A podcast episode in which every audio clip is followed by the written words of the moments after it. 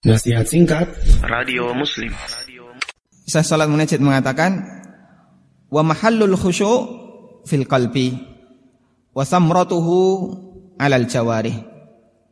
Tempat khusyuk adalah dalam hati sedangkan buahnya ada pada anggota badan. Ketika hati itu konsentrasi, fokus dengan kegiatan yang dia lakukan, maka badan akan tidak banyak bergerak, badan akan konsentrasi dengan apa yang diinginkan oleh hati. Sehingga dari kesimpulan yang tadi kita bahas bahwa orang yang khusyuk dalam sholat adalah orang yang konsentrasi dalam sholatnya. Konsentrasi lahir dalam arti tidak banyak bergerak dan konsentrasi batin dalam arti hatinya memikirkan apa yang sedang dia kerjakan. Hatinya fokus memikirkan apa yang sedang dia kerjakan. Dari sini kita bisa mengambil kesimpulan orang yang sholat kemudian dia membayangkan di depannya ada Ka'bah atau di depannya ada misalnya uh, warna yang putih membentang jauh atau seolah-olah dia berada di tengah-tengah langit kanan kirinya hitam semuanya. Atau seolah-olah di depannya ada sosok zat yang sangat besar.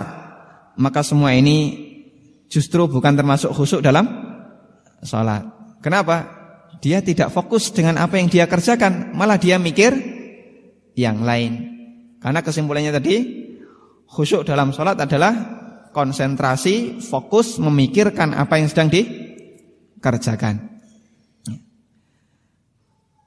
Kemudian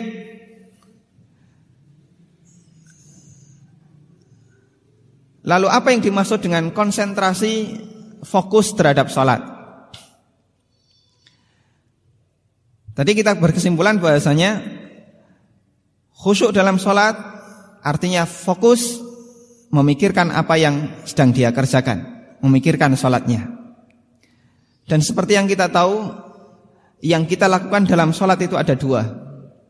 Ada yang bentuknya gerakan anggota badan, dan ada yang bentuknya ucapan lisan. Ada yang bentuknya gerakan dan ada yang bentuknya zikir, ucapan lisan. Maka konsentrasi sholat atau khusuk dalam sholat berarti dia fokus memikirkan dua tadi memikirkan gerakan sholatnya dan memikirkan zikir yang dia baca. Memikirkan zikir yang dia baca. Ibnu Katsir mengatakan wal khusyu'u fis shalah. Innama yahsulu liman faragha qalbahu laha. Orang disebut khusyuk dalam sholat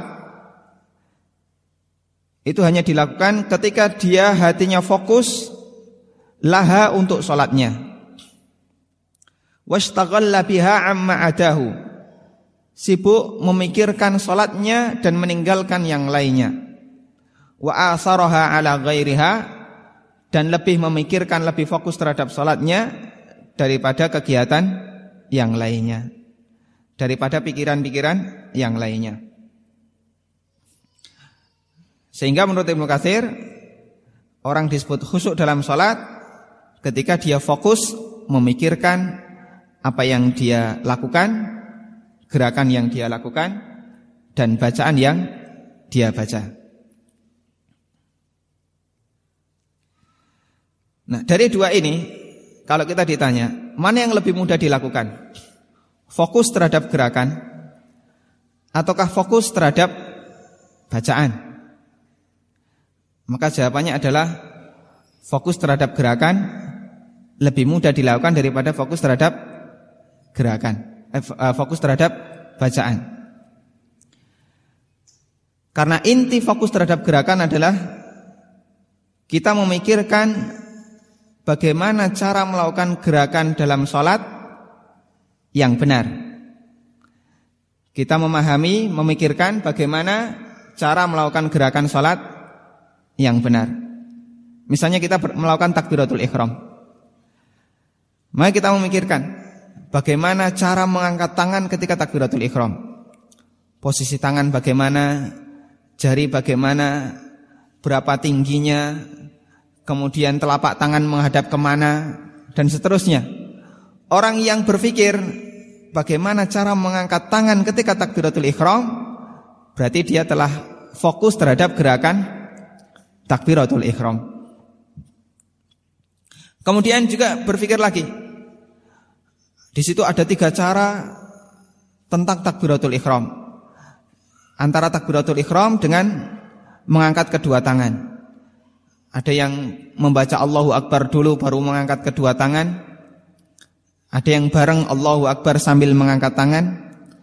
Ada yang mengangkat tangan kemudian sedekap, setelah itu baru mengucapkan Allahu Akbar. Ketika dia mikir seperti ini, Berarti dia telah fokus terhadap gerakan yang sedang dia kerjakan. Nah kita jumpai banyak orang ketika sholat tidak sempat mikir seperti ini. Apa buktinya? Sering kita melihat ada orang yang ketika melakukan gerakan mengangkat tangan waktu takbiratul ikhram itu sudah nggak benar. Kadang takbiratul ikhram tidak terlalu tinggi ya. Hanya setinggi dada. Padahal tidak ada dalil takbiratul ikhram setinggi dada. Ada yang takbiratul ikhram dengan tangan masih menggenggam. Ada yang takbiratul ikhram telapak tangan arahnya berhadap-hadapan. Telapak tangan tidak dihadapkan ke arah kiblat. Kemudian ada yang takbiratul ikhram terlalu tinggi melebihi telinga dan seterusnya. Maka aktivitas yang dilakukan orang seperti ini melakukan takbiratul ikhram dengan cara yang salah menunjukkan dia tidak fokus dengan gerakan takbiratul ihram yang benar. Mengapa dia melakukan kesalahan? Dan jika kita perhatikan kesalahan seperti ini dilakukan berulang-ulang. Dilakukan berulang-ulang. Sejak dulu ketika dia sholat, gerakan tangannya tidak jauh beda dengan yang dikerjakan kemarin. Selalu seperti itu. Karena dia tidak pernah fokus dengan gerakan yang dia lakukan. Mengingat ini sudah hafal, sudah terlalu sering, maka hanya seperti itu yang dia kerjakan berulang-ulang tanpa ada pembaharuan. Nah, maka orang yang khusuk dengan gerakan sholatnya, dia akan memikirkan bagaimana cara melakukan gerakan yang benar.